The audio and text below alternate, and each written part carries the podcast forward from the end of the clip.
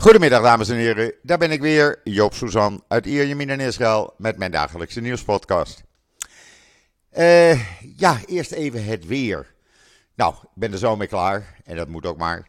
32 graden, strak blauwe lucht, een felle zon, een lekker briesje en het wordt alleen nog maar warmer. Ja, dat is nou eenmaal de tijd van het jaar. We zijn eraan gewend en het is heerlijk. Gewoon altijd in je t-shirtje. Je hoeft niet te denken, moet ik een regenjas, paraplu mee? Gewoon lekker, uh, s'morgens, s'avonds, s'middags. Uh, t-shirtje, dat is genoeg met een korte broek natuurlijk. En dan uh, zo dadelijk ga ik contact zoeken met Kobi Ziegler, want die hebben gisteravond geen Twitter-space gehad over Oekraïne. Dus we doen het vandaag even in de podcast. Het laatste nieuws uit uh, of over de Oekraïne moet ik eigenlijk zeggen. Maar dat zometeen. Eerst even het nieuws in het kort in Israël. Ja, zoals te verwachten uh, was, heeft de regering gisteravond dus uh, die nederzettingenwet er niet door kunnen krijgen in de Knesset. teken voor de oppositie om meteen te schreeuwen van gaan jullie maar naar huis. Jullie moeten aftreden. Wij doen het wel even. Wij maken wel even een regering zonder verkiezingen. Uh, maar de regering blijft zitten en zeggen volgende week proberen we het nog een keer, want we hebben de tijd tot eind juni.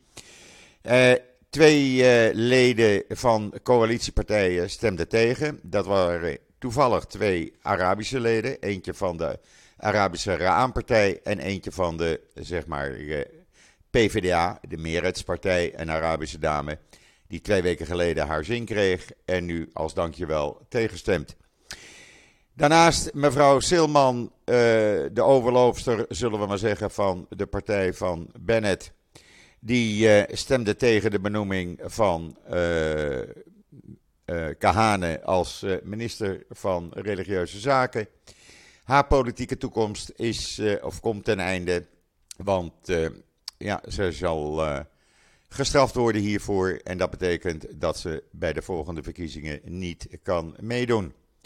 Dat is de politieke situatie, want het gaat nog steeds allemaal om het belang van de macht en niet om het belang van het land. Jammer genoeg. Machtshonger, ja, ik weet het niet wat er aan de hand is, maar ik maak me daar vreselijk kwaad over. Maar goed, ik kan me kwaad maken, uh, ik kan daar toch weinig aan veranderen. Um, het overige nieuws in Israël is, we hebben natuurlijk de uh, Tel Aviv Pride maand. Komende vrijdag is daar de grote uh, Pride Parade in Tel Aviv met honderdduizenden bezoekers.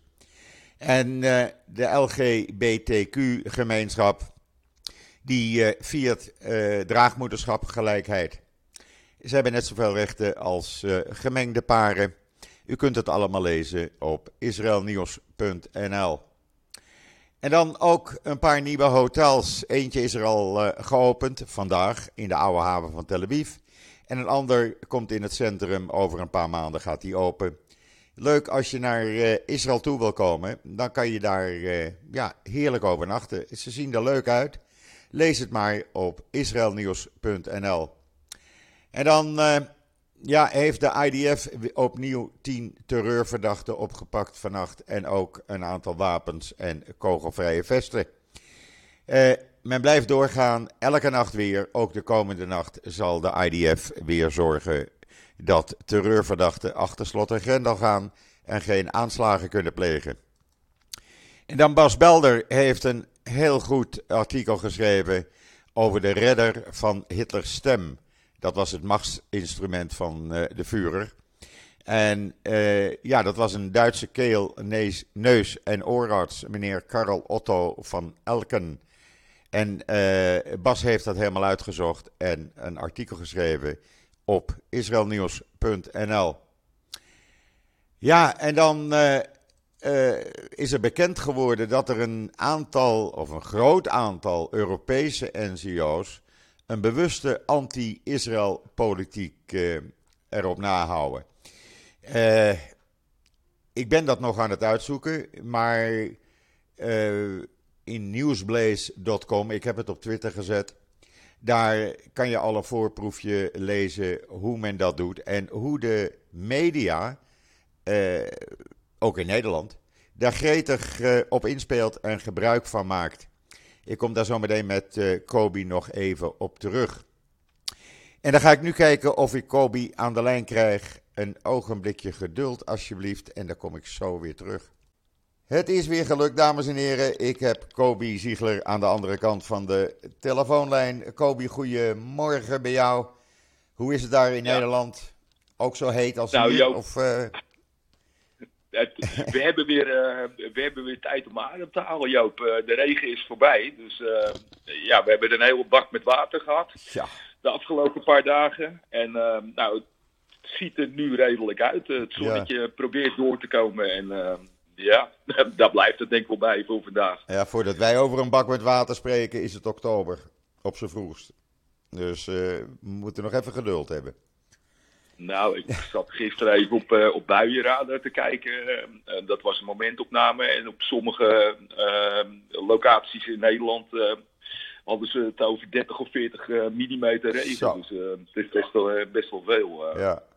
Nee, ik zei net aan het begin, het is hier weer 32 graden en een blauwe lucht. Dus ja, daar doen we het dan ja, mee. Ja, Je belt er goed eens op, Joop. Ja. Kobi, eh, ik werd door een aantal mensen, maar ook door jou vanmorgen vroeg al, attent gemaakt op een journaaluitzending van NOS-verslaggever Ties Brok hier in Israël. Ja. Ties is bezig, denk ik, met een soort afscheidstournee, want die gaat uh, binnenkort uh, weg, weer terug naar Nederland. Hij houdt het hiervoor ja. gezien. En dat ging over uh, Massafar Yatta, een Palestijns plaatsje, of plaatsje is het niet eens, het is een gehucht.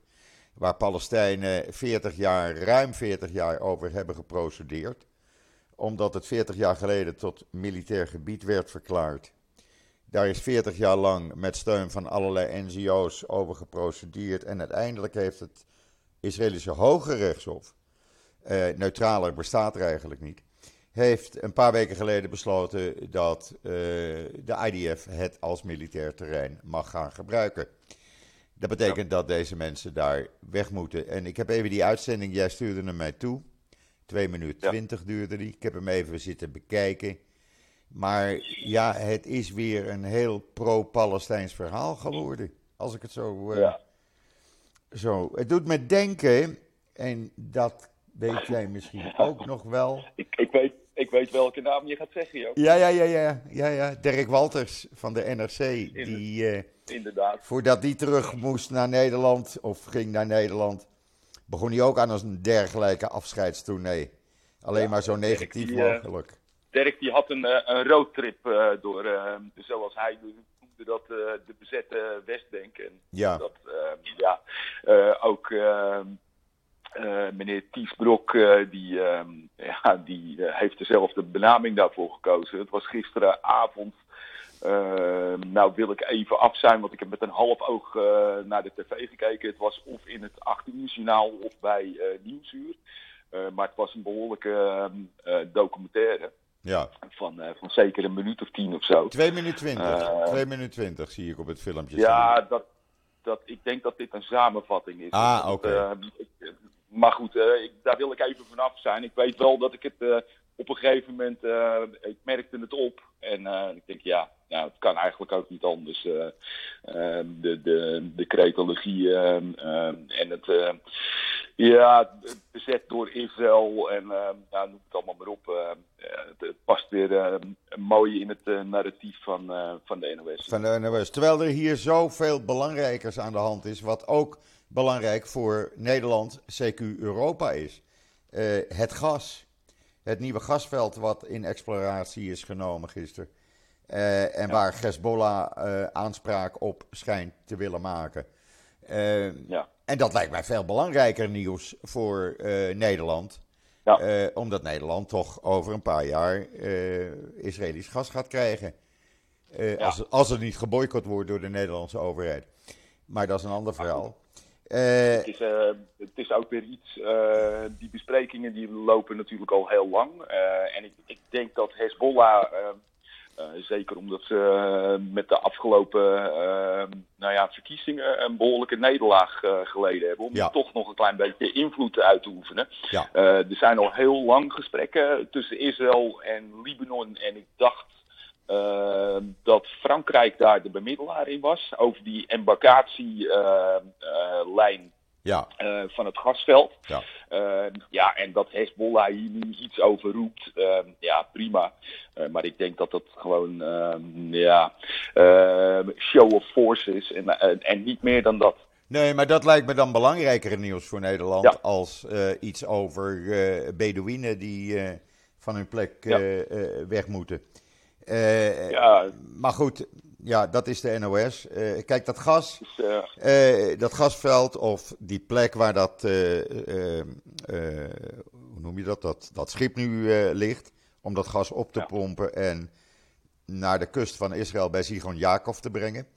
Ehm, dat wordt nu beschermd door de Israëlische marine, onderzeeboten, marineschepen, van alles en nog wat. Dus eh, dat het zal worden aangevallen, die kans acht ik heel klein. Maar toch wel iets om in ik de heb gaten te laten houden. vertellen dat er, eh, dat er zelfs Iron Dome op geplaatst is. Dus Het zou best kunnen. verbazen. Het zou mij ook niet verbazen. Kijk, het is een groot gasveld. eh, gasveld. Het is eh, 80 kilometer uit de kust van Israël. Het is internationaal erkend als zijnde behorende bij de Israëlische gasvoorraden. Eh, het ligt in één lijn ten, op, ten opzichte van Zigon Jacob. Dat ligt net onder eh Haifa. En daar komt het ook aan land. En dan wordt het aangesloten, die, eh, dat gas, op eh, ja, het, de transportleidingen hier door het land. Het is één, één van de gasvelden. Hè, wat, het is een van de gasvelden. Ja, ja, ja. Er zijn er meer. Een gasveld wat, wat vergelijkbaar van grootte is tussen Egypte en, en Israël. Ja, Eh, en daar zijn ook nog, eh, eh, ja, dat, dat, dat is eigenlijk ook in een vergevorderd stadium Ja. om, om dat te- ja, tot, tot leven te wekken. ja, klopt. En nou, die gesprekken zijn ook gaande. Dat gaat goed. Daar zal Israëlisch gas via Egypte met schepen naar Europa gaan. Voorlopig, zolang de pijpleiding niet is aangesloten op Griekenland Ja. of Turkije. Maar er komt eh, eh, in de komende twee, drie jaar in ieder geval heel veel Israëlisch gas en Egyptisch gas richting Europa. Dus eh, Ja. jullie hoeven, wat Israël betreft, hoeven jullie niet van het gas af. Laat ik het maar zo zeggen. Nee, nee, nee. Maar je, je hoort mij tussen, tussen jouw regels door al zuchten. ja. Ja, Eh, ja, Het is, nee, kijk, eh, Amerika speelt hier een, eh, rol in natuurlijk. Kijk, wat er, Ja. eh, wat er vanuit Egypte gedaan wordt, is eigenlijk gas oproepen. Dat wordt verwerkt eh, eh, tot LNG.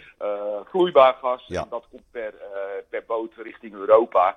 Eh, eh, iets soortgelijks gebeurt nu uit Amerika vandaan. Eh, nou ja, kijk, dat dekt de lading niet. Het is nog ineens 1% van wat, eh, van wat er eh, benodigd is. Nee. En ehm, ja, dat zal vanuit, vanuit jullie kant zal dat niet anders zijn. Ehm, waar het om draait is dat er een, eh, een, ehm, een gasleiding moet komen. Of een pijpleiding. Ja, ik weet, ik zal aangevallen worden door de kennis. Maar ik weet de exacte benaming niet of het nou een pijpleiding of een gasleiding is. Maar dat zal richting Europa moeten.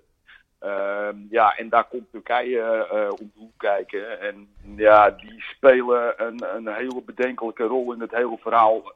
Überhaupt eh, geopolitiek op dit moment. Ja. Ehm, ehm, eh, dat zou de oplossing zijn.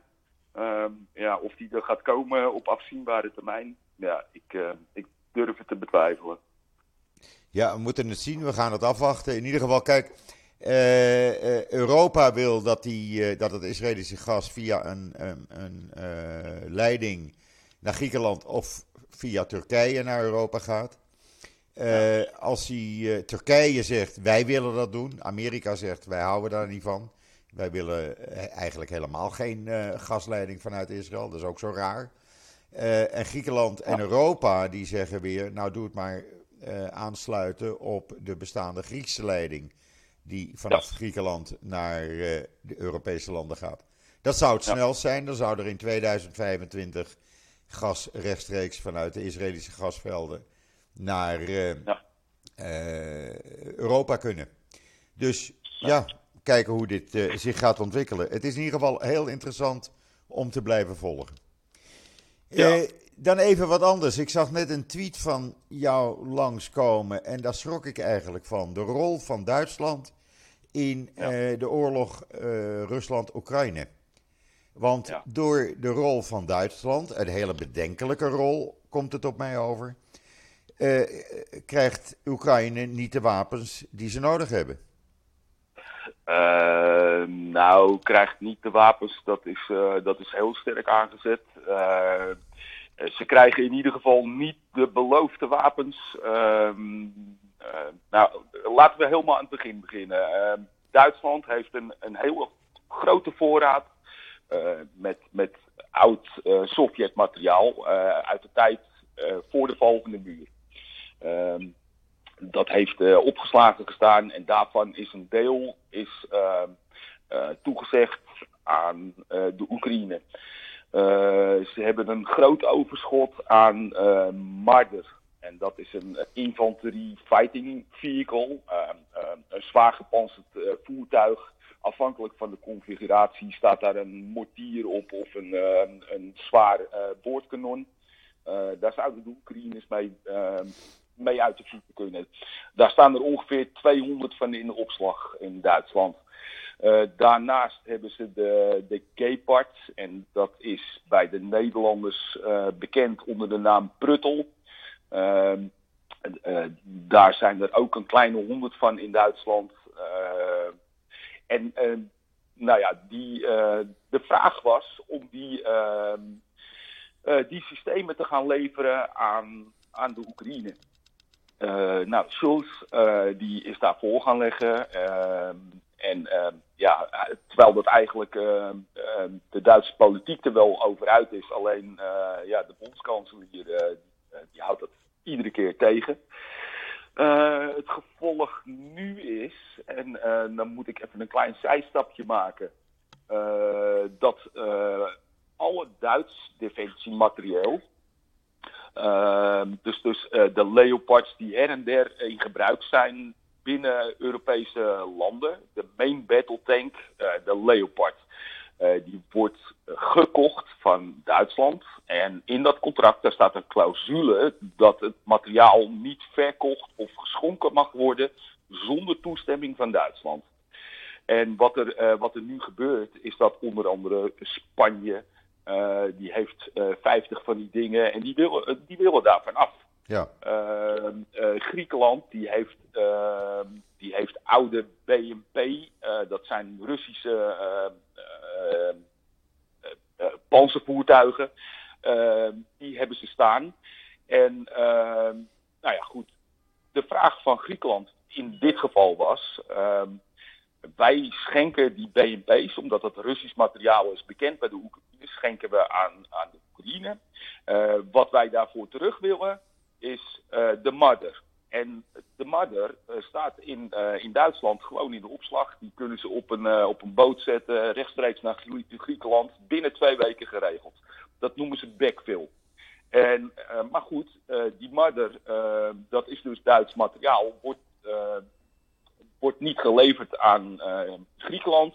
Met als gevolg dat die BNP's dus ook niet naar, naar de Oekraïne toe gaan. Dus ehm, er is heel veel uh, materiaal, Duits materiaal, en wat, wat echt van wereldklasse is, uh, in diverse uh, Europese landen aangeboden aan Oekraïne. Alleen Duitsland die blokkeert dat ehm, vanwege die clausule in het contract. En dat, dat zegt dus dat Duitsland toestemming moet geven om, om die levering te doen. en daarmee, ja, daarmee zet Duitsland zich wel ja, echt zo voor schut. Ehm, ehm, nou ja, de verkeerde kant van de geschiedenis uh, is, uh, is een groot woord. Maar ehm, kijk, ze hebben in hun achtertuin hebben ze een oorlog gaande. Eh, waar, ze, ja, waar ze echt actief aan, aan deel moeten gaan nemen. Of actief, maar in ieder geval proactief aan deel moeten gaan nemen. Bij het Westen, en dan met name Engeland, Canada, Amerika, Frankrijk, nou, Nederland ook. We hebben vanaf ehm, na, de jaren 50, zeg maar, zijn we actief in Duitsland geweest om ons te beschermen tegen het, het Sovjet-regime. later na de val van de muur is daar een, een deel van, uh, van onze troepen is daar weggegaan omdat we dachten dat het gevaar over was. Maar wij als Westen hebben Duitsland beschermd tegen nou ja, de, de opmars van de Russen. En wat, wat doet Duitsland nu? Die zegt van ja, nou maar goed, bedankt voor de service. we kijken het nog wel even aan. Terwijl dat, nou ja, dat er een, een heel groot gevaar is. Uh, dat de Russen in hun eigen achtertuin uh, als, als, als nog weer een uh, gevaar gaan opleveren. Ja, wat gaat er dan gebeuren? Ja. moeten wij Duitsland weer te hulp gaan schieten? ja, zeg het maar. ze spelen een hele dubieuze rol in ieder geval. en een heel vertragende rol. terwijl dat landen waarvan je het niet verwacht, onder andere Finland, Denemarken, Spanje, Portugal, Italië, die trekken alles uit de schappen vandaan om uh, de Oekraïne maar uh, van dienst te kunnen zijn. Uh, Griekenland ook, ja, noem het allemaal maar op. En de enige spelbreker in dit geval is Duitsland. En wat is de reden? wat is de reden dat Duitsland deze rare rol speelt? nou, daar zijn meerdere redenen voor te bedenken. de eerste is handel. de handel met, met de Russische Federatie, met Rusland. Uh, en, en de andere reden, ja, dat kan niet anders. Uh, en dat is de afhankelijkheid van, uh, van Rusland in, zijn, uh, in zaken energievoorziening, namelijk gas. En ehm, ja, ik schreef in ik schreef het in mijn tweet ook al. Uh, ja, Nederland uh, loopt eigenlijk ook aan het leibandje van, uh, van Duitsland uh, ja, gehoorzaam mee. wij zijn ook afhankelijk van gas. En we hebben een, een deal destijds met, nou ja, via via met, met Gazprom gesloten. nou, dat wordt nu niet meer geleverd. Duitsland krijgt niet geleverd. of dreigt niet geleverd te krijgen. En wij snoepen daar stiekem nog wel wat van mee. Uh, maar dus dat, dat zijn de twee, uh, ja, de twee hoofdredenen. Uh, afhankelijkheid van energievoorziening en, en handel. ja, en zo, zo is er nog, helaas nog een land, en dat is Frankrijk in Europa, die eigenlijk op dezelfde manier ja. opereert. Ja. niet zozeer voor energie, omdat Frankrijk behoorlijk nou ja, kernenergie, uh, een behoorlijke kernenergievoorziening heeft. Uh, maar ja, de politiek, de geopolitiek van, van meneer Macron, ja, daar lusten de honden eigenlijk ook geen brood van.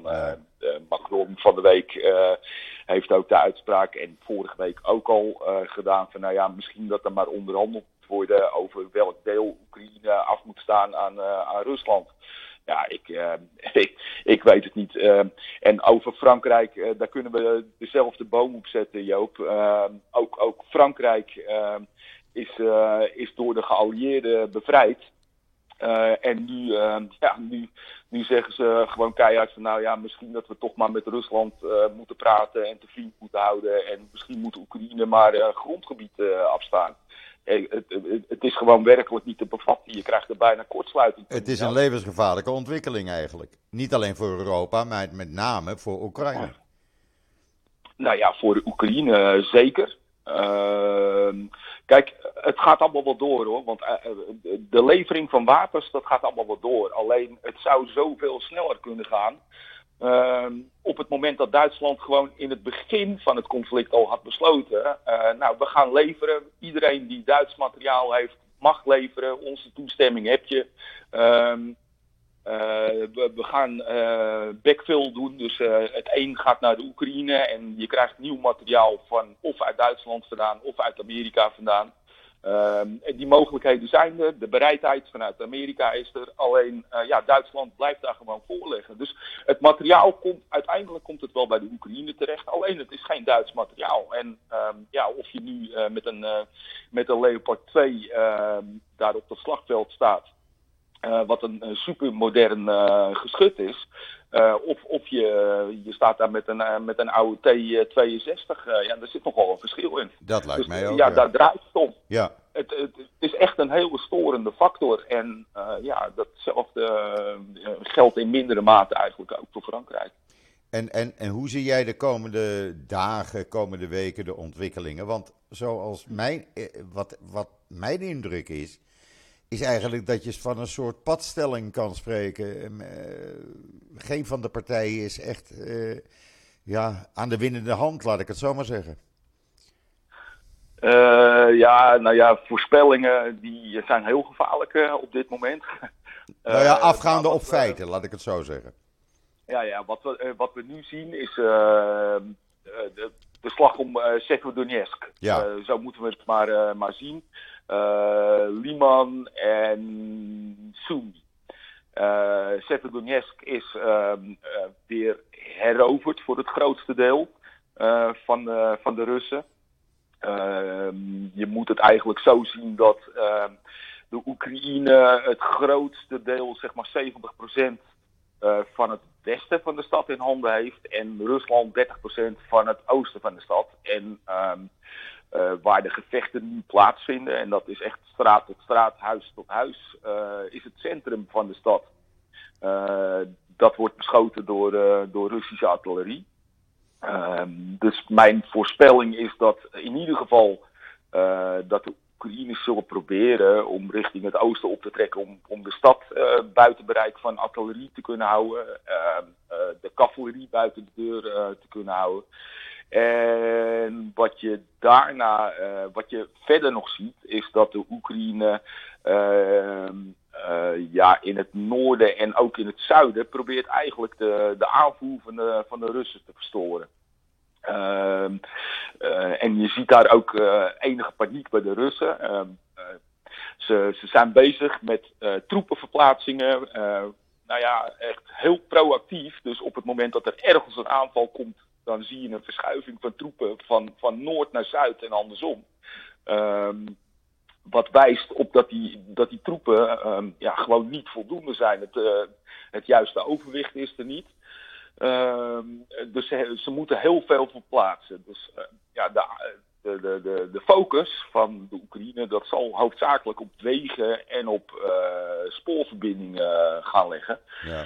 Um, en um, ja, wat verder nog wel interessant is, is dat om de troepen, de Russische troepen weer enigszins uh, op peil te krijgen, uh, hebben ze in, de, in uh, Donetsk en Luhansk, uh, ja, de, de dienstplichtigen, de, de dienst, oud-dienstplichtigen en reservisten hebben ze weer opgeroepen.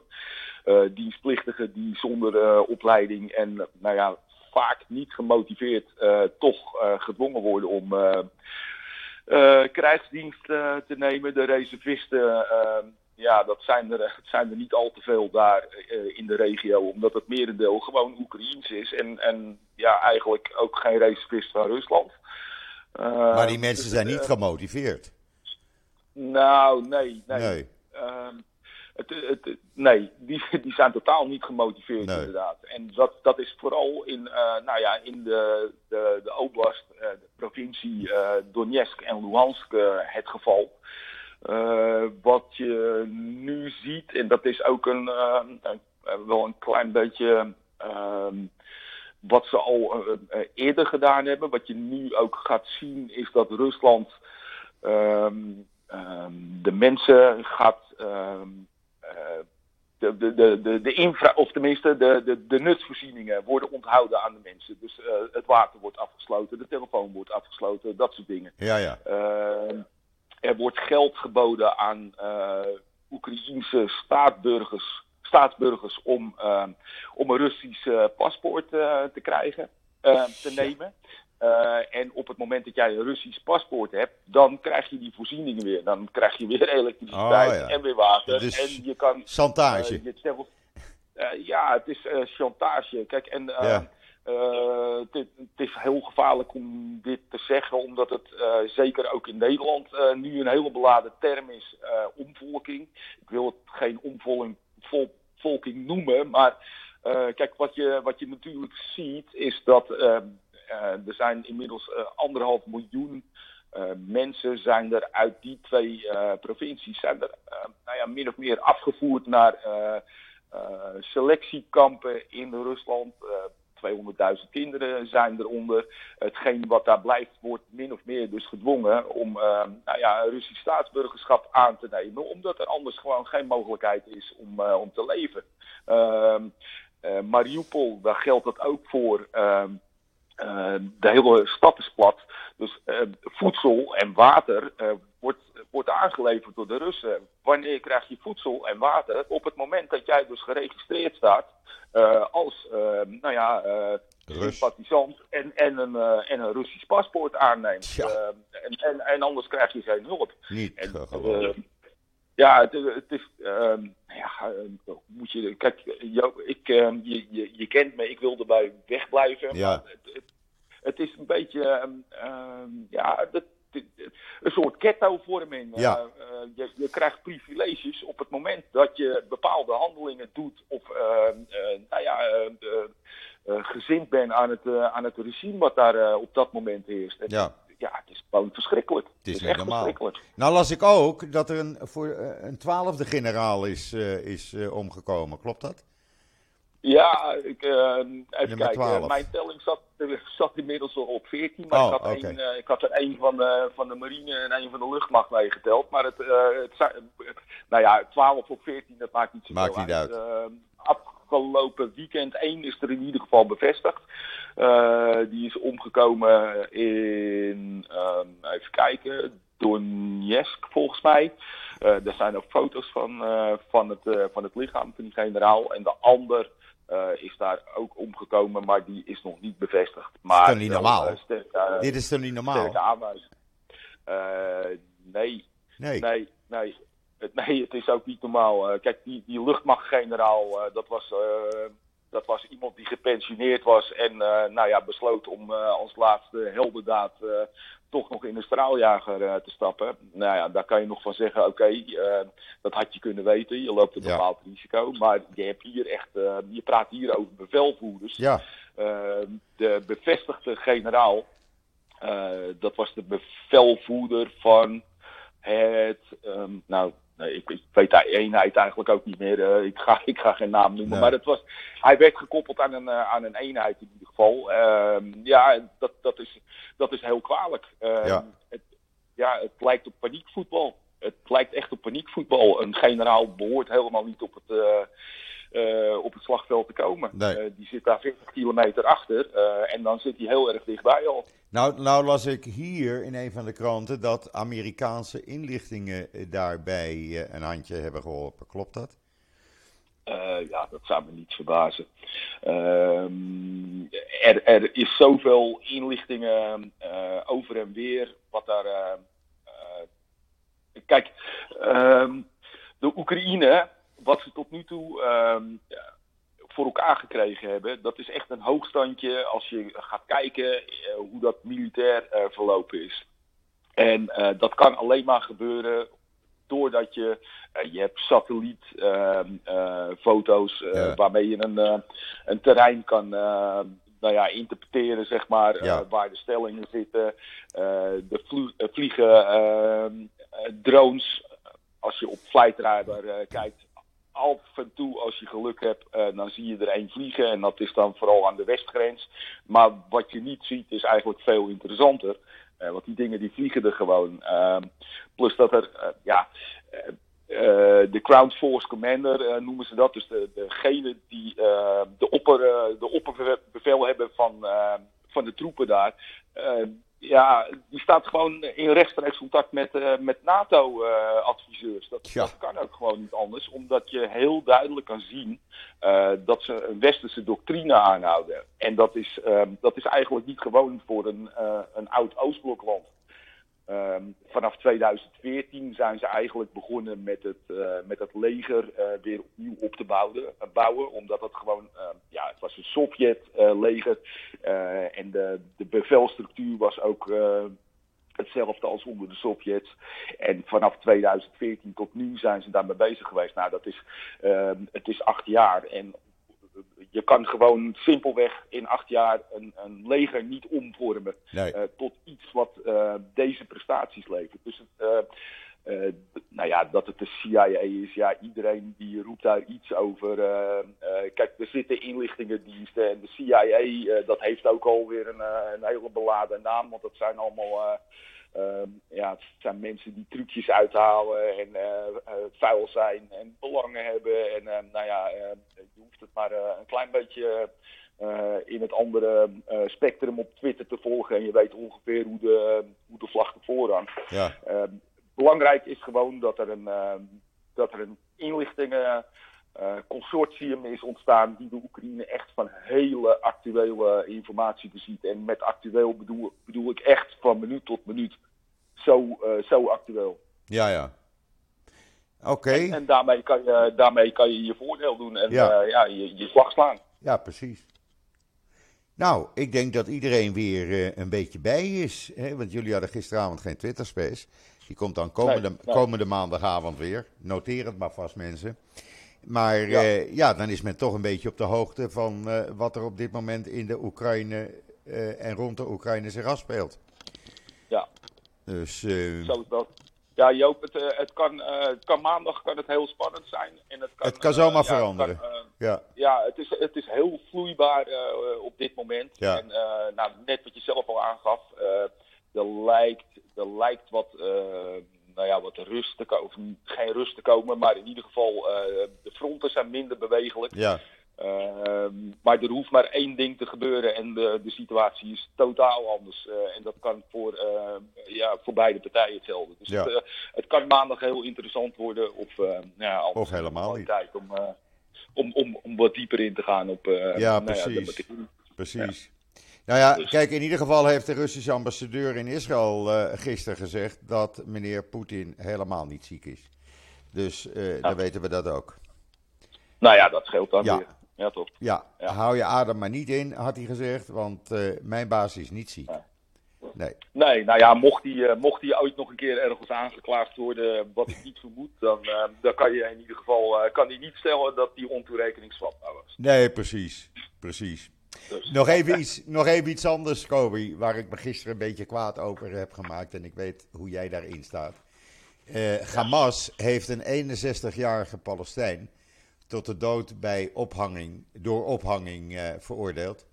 Omdat eh, hij van collaboratie met Israël werd beschuldigd. ja, Wat mij dan opvalt, is dat NuNL, NOS, NOS Teletext, D66, GroenLinks, nou ja, noem ze allemaal maar op, helemaal niets zeggen. Doods en Nee. doods stil zijn. ja. ja, terwijl dat Ties Brok toch eh, redelijk in de buurt was. Dan eh, zou je ja. toch zeggen, meneer Ties Broks, doe hier wat aan. Of NuNL, breng dit eens even groot. En waar is eh, D66 en GroenLinks? Want je hoort ze niet. Nee. Het is, eh, eh, ja, alle, alle nieuws-outlets, eh, ja, die zwijgen hierover. De NGO's hoor je op dit moment ook niet. Alleen maar tegen ja, Israël. Ja, zeg maar. NCO's hoor je alleen maar tegen Israël. Ja, vaak wel. Ja. Ja. Ja. Dus, Ehm, maar goed, ja, ik, ik wou ja, dat toch even genoemd hebben, want ik, ik vind dat... Ja, ik vind het wel opvallend, laat ik het zo maar zeggen. Ik vind het Ja, opvallend. kijk, Eh, het, het blijkt welke kant men kiest. Laat ik het, mag ik het zo... je, eh, je zou verwachten dat met name NGO's en eh, de, de, de mensen die eh, pro-Palestijns eh, zijn. En ehm, ja, waarom zou je niet pro-Palestijns zijn eh, zolang je geweld maar niet verheerlijkt? Eh, prima, weet je. Ja. Eh, dat zijn ook mensen die hebben ook rechten. tuurlijk. Ehm, en, en, ehm, eh, maar het verbaast me dat je ook helemaal niets hoort dat, eh, dat er onder ehm, eh, Palestijns eh, bestuur, en of dat nu eh, Fatah is of Hamas, ehm, dat daar nog steeds de doodstraf in, in, ja, in, de wet Oh ja, bij bosjes en- worden ze soms ja. opgehangen of doodgeschoten bij, in Gaza. Ja, maar goed. Ik kan me geen protesten herinneren ehm, eh, nou ja, tegen, of voor afschaffing van, van de doodstraf Nee, in Palestijn. er, wordt niet, er wordt niet tegen geprotesteerd in Europa. Nee. Nee, Nee. nee, nee. Maar als er Eh, tijdens, ja, tijdens, ja. gevechten, maar als er tijdens gevechten tussen IDF en Palestijnse eh, terroristen een uh, journalist omkomt, een Palestijnse journalist. Nou, Ja. de wereld is te klein geworden. Wat, eh, wat overigens wel opvalt, en ik moest er gisteren eh, moest ik daar wel een beetje om gniffelen, eh, dat in de, de Palestijnse nieuwsoutlets, eh, het zijn eigenlijk nu allemaal eh, eh, journalisten die eh, of gearresteerd worden of gehinderd worden. Of, ja, het, zijn, het zijn geen Palestijnen meer, maar het zijn nu allemaal journalisten. ja Althans, nou, de, de afgezant van de Verenigde Naties bij de Palestijnen, die heeft iets nieuws. Er was een, een dame die werd een paar dagen geleden neergeschoten nadat ze voor de tweede keer, de eerste keer was in januari, probeerde een soldaat, IDF-soldaat neer te steken bij een Ja. eh, grensdoorgang. En die dame wordt nu als journaliste genoemd. Ze blijkt opeens journaliste te zijn. Dat verkoopt namelijk dat, voor de Verenigde Naties beter. Dus iedere terrorist gaat men nu eh, journalist noemen. ja. Nou, dat viel mij ook op. Ja. Eh, erg interessant. Ja. Er, dat is Ja. een zeer interessante ontwikkeling, ja. Ja, Trek een, eh, trek een blauw eh, kogelwerend vest aan met pres erop. Zet een blauwe helm op je kop en eh, je bent journalist. en, ja, en, steek, en dan een soldaat of burger ne- neer en dan, dan ben je een held. Dan ben je die zielige journalist. Maar opeens blijken terroristen voor de Verenigde Naties journalisten te zijn. Dus dan weten we dat ook weer. Ja, apart verhaal. Heel apart, maar dat is de wereld van vandaag. Goed, Kobi, we zijn weer helemaal bij. Ik vond het weer gezellig met je. Ja, en eh, maandagavond eh, zit ik natuurlijk om 8 uur weer aan eh, op Twitter Space bij jullie.